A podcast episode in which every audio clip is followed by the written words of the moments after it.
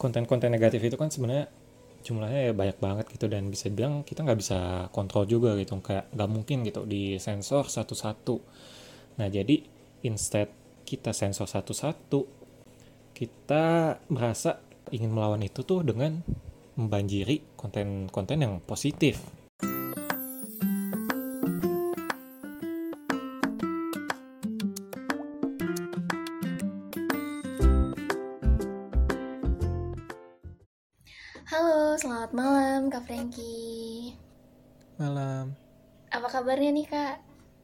baik kamu gimana kabarnya Baik juga dong. Nah, pada kesempatan kali ini aku mau tanya-tanya sedikit nih tentang Kakak dan juga pekerjaan Kakak di Kok Bisa. Nah, sebelumnya boleh perkenalan diri dulu Kak dari nama atau juga sebutin latar belakang pendidikan Kakak. Hmm, oke, thank you Jenny. Eh, buat teman-teman semua, kenalin aku Frankie Nugraha. Dulu latar belakang pendidikannya belajar desain komunikasi visual.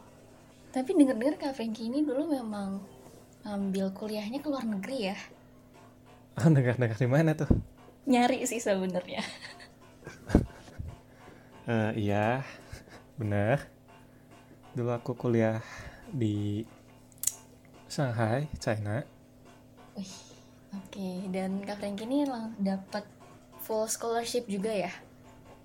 Iya, betul. Jadi malu ya. Oke, nah em, tadi udah kita kenalan sedikit nih sama Kak Frankie. Terus aku juga mau tanya dong, kira-kira sekarang kesibukannya kakak apa aja nih? Boleh diceritain? Hmm, oke. Kalau job desk aku di Kobisa sendiri sebenarnya sebagai animator, kadang juga bantu eh, ilustrator sebagai ilustrator, tapi aku juga bantu Rembak Media. Rembak Media itu kayak holding company-nya dari Kobisa, di mana aku bantu proses hiringnya. Simpelnya sih kayak gitu. Oke, jadi selain jadi animator dan ilustrator, kakak tuh juga bantu di Rombak Media gitu ya?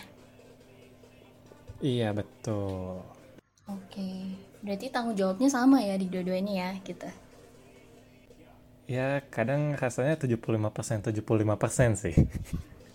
Agak lebih banyak ya effortnya. iya. Oke, nggak apa-apa.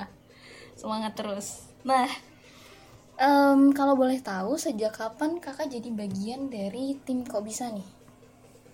Hmm, aku gabung itu jadi aku baru lulus tahun 2018 dan langsung apply. Cuman waktu itu tuh kok bisa sedang transisi gitu. eh karena Rombak Media diakuisisi oleh Tempo. Nah, saat itu kantornya yang tadinya di Jalan Cikini mulai transisi ke gedung Tempo. Dan ya orang-orang lagi pada sibuk gitu. Jadi waktu aku apply ya cukup kayak dianggurin gitu ya dan baru benar-benar diterima itu masuk bulan Februari 2019. Terus nih, kenapa kakak tertarik jadi bagian dari kok bisa? Oke, jadi sebenarnya ini ceritanya agak panjang, tapi aku persingkat aja. Eh, jadi kan aku dulu kuliah di China ya, dan di China itu sebenarnya YouTube gitu kan diblokir ya. Sementara kok bisa ini kan base utamanya atau awalnya itu kan dari channel kanal YouTube gitu. Jadi waktu itu lagi kuliah dan di China itu kita make sosial medianya itu WeChat dan ya aku join atau gabung di grup WeChatnya kayak perkumpulan mahasiswa Indonesia gitu dan waktu itu ada eh, aku nggak tahu siapa cuman dia kayak share video gitu. Dan video itu adalah videonya kok bisa dan waktu itu tuh lagi lumayan trending populer juga bahas soal yang kenapa rupiah melemah di tahun itu tuh. Eh ya aku nonton tapi waktu itu tuh aku nggak tahu kalau itu tuh video buatan Kobisa gitu. Kayak di awal emang ada bumper tulisan Kobisa tapi aku nggak tahu kalau itu tuh eh, sebuah channel atau sebuah brand atau bahkan sekarang kan uh, sebuah perusahaan gitu. Ya aku nggak tahu itu tapi aku nonton videonya kayak tertarik uh, animasinya lucu tapi bisa menjelaskan. Dan waktu itu juga aku lagi kelasnya itu emang belajar motion graphic gitu. Jadi waktu aku nonton itu kayak dalam hati aku tuh uh, bilang wah ini lucu gitu keren ya. Dan emang bidang aku juga gitu aku lagi belajar dan aku ngerasa aku bisa bikin juga gitu. Nah udah gitu aku uh, lupa uh, beberapa beberapa apa ya semester selanjutnya aku lulus kayak dua atau tiga gitu. Aku lulus balik Indo dan aku ketemuan sama temen aku gitu teman teman sekolah dari ya bisa bilang dari SD SMP SMA ketemuan ngobrol kita kecap dan ya aku tanya gitu sekarang dia di mana? Ngapain? Ya dia bilang dia di kok bisa udah dia kayak nawarin juga eh uh, tertarik nggak gabung? Dia kayak kasih beberapa beberapa pilihan company juga ya soalnya dulu itu kok bisa ya bisa bilang ekosistemnya lumayan banyak juga ya. Jadi selain kok bisa dulu itu uh, kok bisa emang dekat dengan company-company lain juga yang alamatnya di Cikini dulu. Um, nah dari beberapa pilihan itu uh, emang yang akhirnya aku paling tertarik itu ya di kok bisa walau bisa dibilang aku kan tadi jurusannya DKV ya bukan yang benar-benar uh, animasi gitu. Tapi uh, ya kata temen aku ini ya apply aja coba dulu gitu. Dan ya diproses dari hasil interview dilihat portofolionya dan ya cocok dan akhirnya ya diterima itu oke wah lengkap banget nih ya ceritanya gitu. Tapi emang seru banget karena bisa dengerin dari awal. Jadi memang saat itu karena nggak sengaja ya sebenarnya kak? Uh, iya kayak aku nggak sengaja ketemu video itu dan waktu balik ke Indo ternyata kayak apa ya kayak ya ternyata banyak hubungannya gitu. Waktu ditawarin teman aku itu aku juga kayak riset sendiri kan.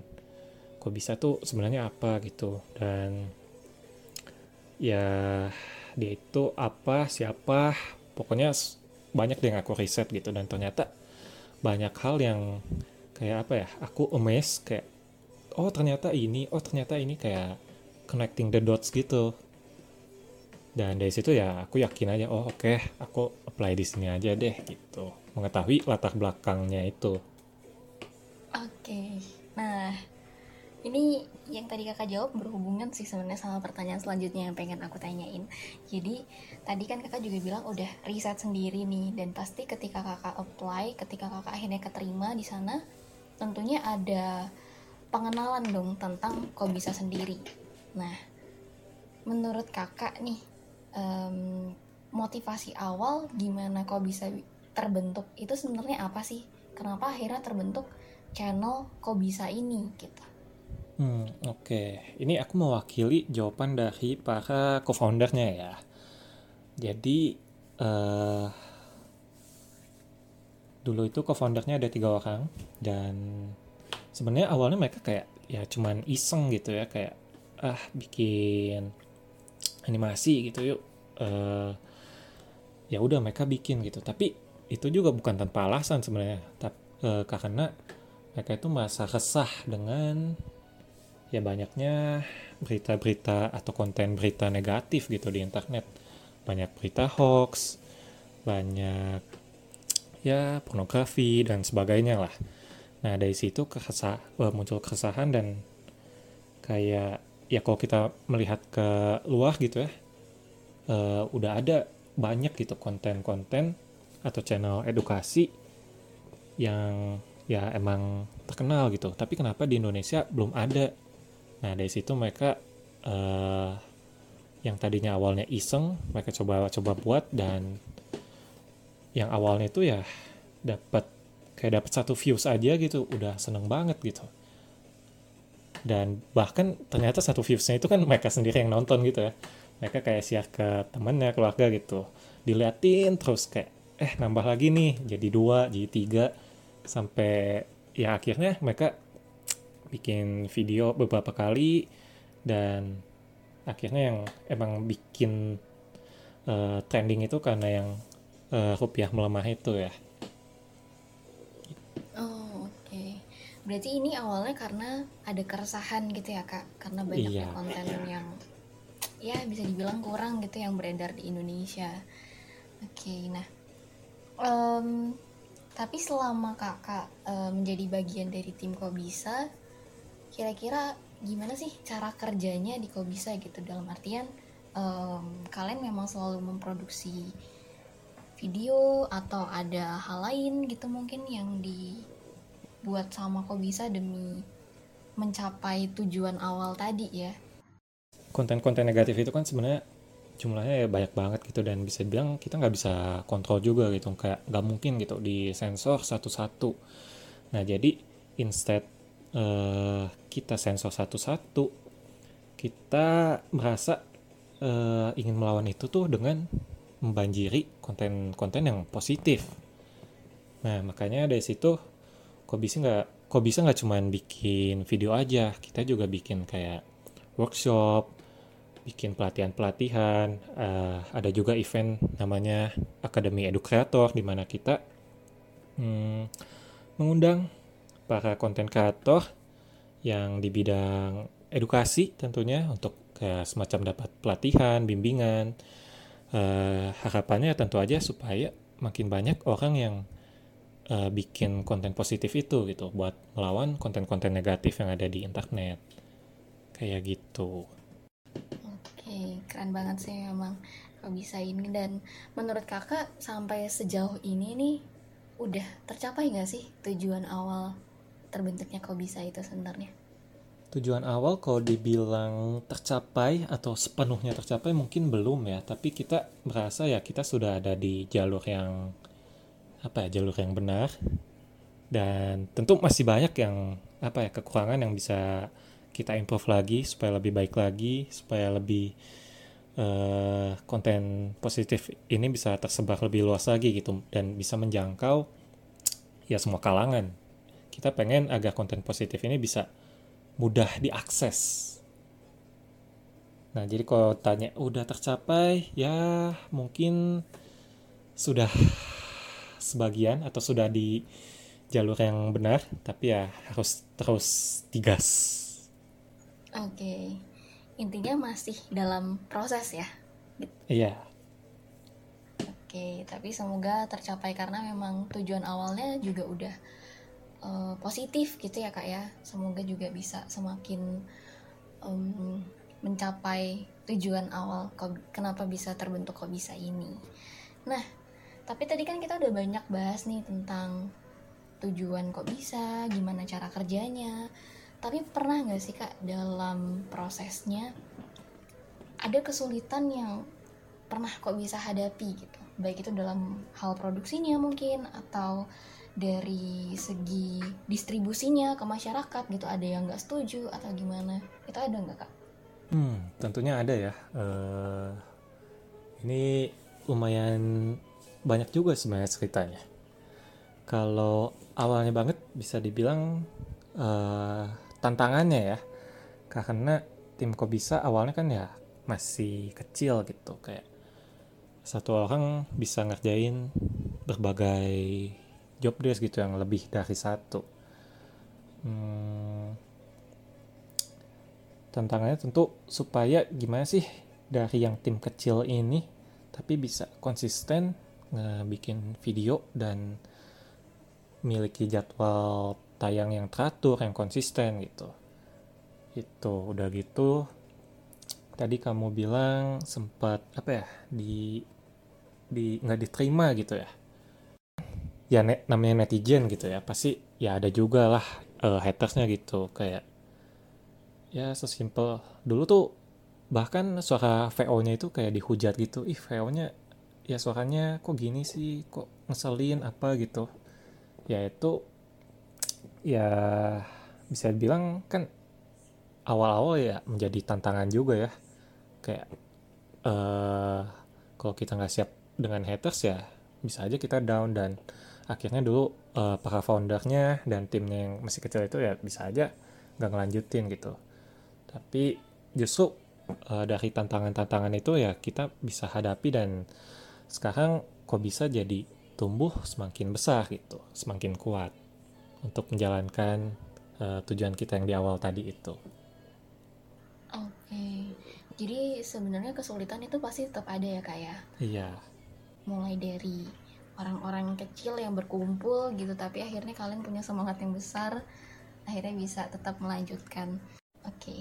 berarti cara buat menghadapi kesulitan tadi gitu ya lebih ke mengingat tujuan awal kenapa akhirnya kok bisa ini terbentuk kayak gitu ya. Iya betul. Dan tentunya walaupun ada haters pasti ada yang sukanya juga dong. Dari kita bikin video dan dari komentar audiensnya gitu. Banyak yang bilang oh suka senang. Uh, ternyata berdampak positif juga buat mereka. Itu jadi suatu kepuasan tersendiri juga ya buat kami yang memproduksi video atau menjalankan event-event kayak workshop dan sebagainya. Kurang lebih gitu. Dan aku juga termasuk salah satu yang suka sebenarnya. Oh ya? Oke okay. semangat terus kok bisa. Walaupun banyak yang hujat gitu ya ada beberapa sih tapi tetap jauh lebih banyak yang mendukung kalian. Jadi terus berkarya. Amin thank you. Tadi kan kita udah ngebahas gitu ya tentang kesulitan-kesulitan dari kok bisa sendiri. Nah tapi kalau kakak sebagai animator dan sebagai ilustrator di kok bisa pernah gak sih menghadapi kesulitan atau ngerasa ada tantangan dalam diri sendiri gitu dalam menjalankan pekerjaan kakak di Kobisa? Hmm, tentunya pasti ada juga gitu ya. Walaupun katanya ya kita kerjain yang sesuai passion biar nggak ada beban gitu ya. Tapi uh, ya walaupun aku minat gitu di bidang industri kreatif kayak gini ya pasti ada aja gitu yang namanya jenuh atau burnout. Kayak ya uh, bisa bilang ya namanya juga animator gitu ya kalau teman-teman yang di jurusan desain juga mungkin pada tahu ya biasa kan tugas kuliah yang sampai ya bahkan semua jurusan sih kayaknya ya bisa ngerjain tugas yang sampai begadang-begadang gitu. Nah ya pasti uh, ada juga lah titik-titik di mana kita ngerjain dan uh, ya kita nggak jenuh aja gitu. Kayak uh, moodnya lagi nggak pengen bikin gitu. Nah tapi dari situ uh, awal mula kenapa aku bisa gabung di people opsnya Rombak Media juga sebenarnya? Karena mungkin aku ngerasa ya aku butuh selingan juga gitu selain terus-terusan bikin animasi atau bikin ilustrasi ya butuh mencoba hal baru juga ya buat uh, kalau buat aku sendiri sih lebih tujuannya buat menantang diri sendiri gitu. Kayak eh cobain hal baru dong gitu itu sih yang aku rasain. Oh oke. Okay. ini menarik banget nih. Jadi cara kakak untuk menghadapi burnoutnya tadi karena mungkin jenuh gitu ya ngerjain animasi. Akhirnya kakak coba bidang yang lain yang mungkin belum pernah kakak coba sebelumnya. Gitu ya? Iya betul. Jadi kalau ditanya uh, aku ini tim spesialis atau generalis bisa dibilang aku spesialisnya generalis. Jadi kalau ada hal apa pun tantangan atau kayak skill yang harus dipelajari ya aku sih merasa uh, minat gitu malah tertarik malah tertantang ya bukan yang kayak takut gitu. Oke wah keren nih emang caranya kak Franky ya teman-teman buat menghadapi kesulitan dan tantangan itu sendiri adalah ya coba aja keluar dari comfort zone itu kan intinya Iya. Yeah. yang aku pengen tahu juga gimana sih cara kakak buat ngatur waktu itu karena kan dari tugasnya animator gitu kan juga banyak ya sebenarnya untuk ngerjain satu project dan kakak ngerjain hal lain juga di people ops itu apa nggak capek? Hmm, capek tentu ada, uh, tapi dari hasil yang kita kerjakan uh, kalau buat aku pribadi gitu kayak bisa bermanfaat buat orang lain atau kayak sesimpel diapresiasi gitu. Itu udah kayak ya bisa bisa apa ya mulihin rasa capek itu ya. Dan tadi kamu nanya cara ngatur waktunya ya? Mm-hmm. kalau ngatur waktunya sendiri sebenarnya karena kita ini kerjanya tim yang harus dijaga banget di awalnya itu ya komunikasi. Apalagi kan uh, kemarin ini bisa bilang ya terkena pandemi gitu ya yang tadinya kita WFO sekarang jadi harus WFA komunikasi itu ya jadi makin makin sangat sangat penting.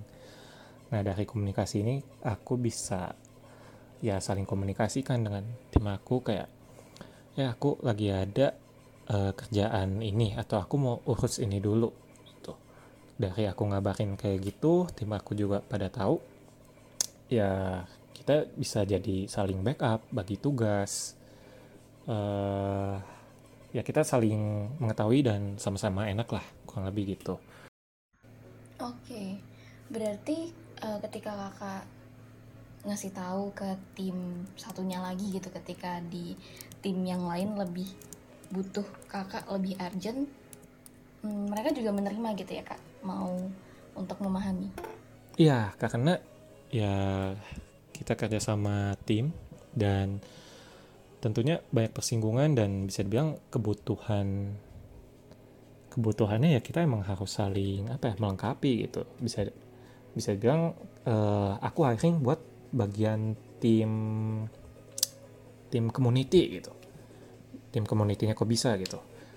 Nah kalau misalnya kayak dari akunya aja tersendat gitu yang mana ini juga bisa mempengaruhi uh, ke kinerja tim yang lainnya gitu ke tim editorial ke tim kreatif kok bisa gitu. Jadi ya kita saling memahami uh, selama komunikasinya aman transparan saling mengetahui uh, ya mereka kita aman gitu Oke, jadi kunci dari semuanya adalah komunikasi ya kak sebenarnya. Karena sekarang juga lagi online, jadi apa pun harus dikomunikasikan sebenarnya. Iya. Aku mau tanya deh, ada perbedaan yang kakak rasain banget gak sih antara kok bisa saat kemarin offline dan sekarang harus online gitu?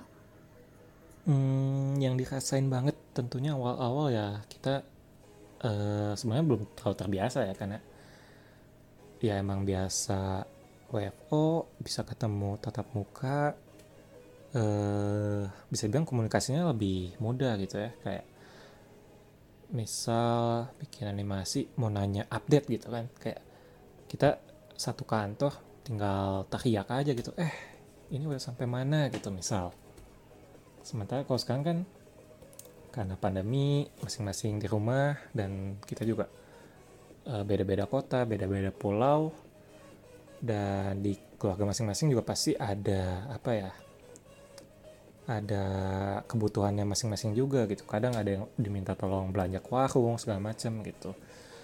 Nah mungkin gak selalu responnya bisa instan gitu nggak nggak bisa cepet. Tapi ya itu yang yang coba kita jaga gitu. Komunikasinya tetap lancar selalu update updatean gitu. Kalau misalnya kayak wah bakal AFK lama nih mau beli beras ke warung gitu. Uh, misal 30 menit.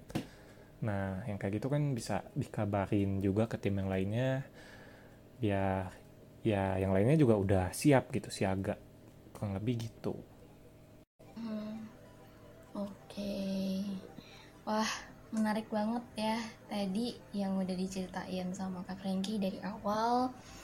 Um, terbentuknya kok bisa terus akhirnya banyak kerikil-kerikil gitu ya di tengah perjalanan. Tapi karena kok bisa juga masih dalam proses untuk mencapai tujuan itu dan sampai sekarang juga masih dijaga komitmennya semoga juga tetap bisa berlanjut sampai ke depannya. Nah tapi kalau dari Kak Franky sendiri apa sih harapan yang ingin dicapai gitu untuk ke depannya baik dari kakak pribadi atau untuk bisa hmm, oke okay. harapan ke depannya tentu aja ya kok bisa juga bisa semakin bertumbuh lagi semakin semakin besar uh, dan bisa terus semakin banyak mengedukasi orang orang-orang di Indonesia bahkan bisa dibilang ya target jauhnya nggak cuma di Indonesia gitu tapi ya di seluruh dunia.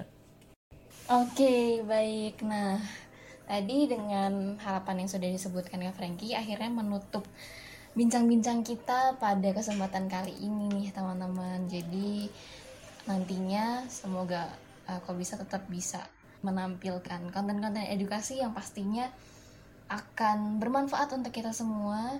Jadi kita di sini sebagai penonton penonton setia kau bisa juga diharapkan tetap uh, mendukung kau bisa di sini karena niatnya juga udah positif dari awal. Dan kita juga kalau bisa uh, bikin juga nih channel-channel kayak kau bisa. Wah terintimidasi nih kayaknya enggak dong kita justru seneng kalau bisa uh, iya makin bertumbuh makin banyak konten-konten kreator di bidang edukasi okay. ini juga kayaknya sesuai sama program di kau bisa namanya Akademi Edu, Edu Creator ya iya ini jadi kayak di endorse ya Oke, okay, baik. Terima kasih Kak Franky atas kesempatannya. Tadi udah banyak banget insight baru dan um, perspektif yang bisa kita dapetin ya dari sini teman-teman. Semoga ke depannya juga kita bisa membuat konten-konten edukasi lainnya seperti kok bisa.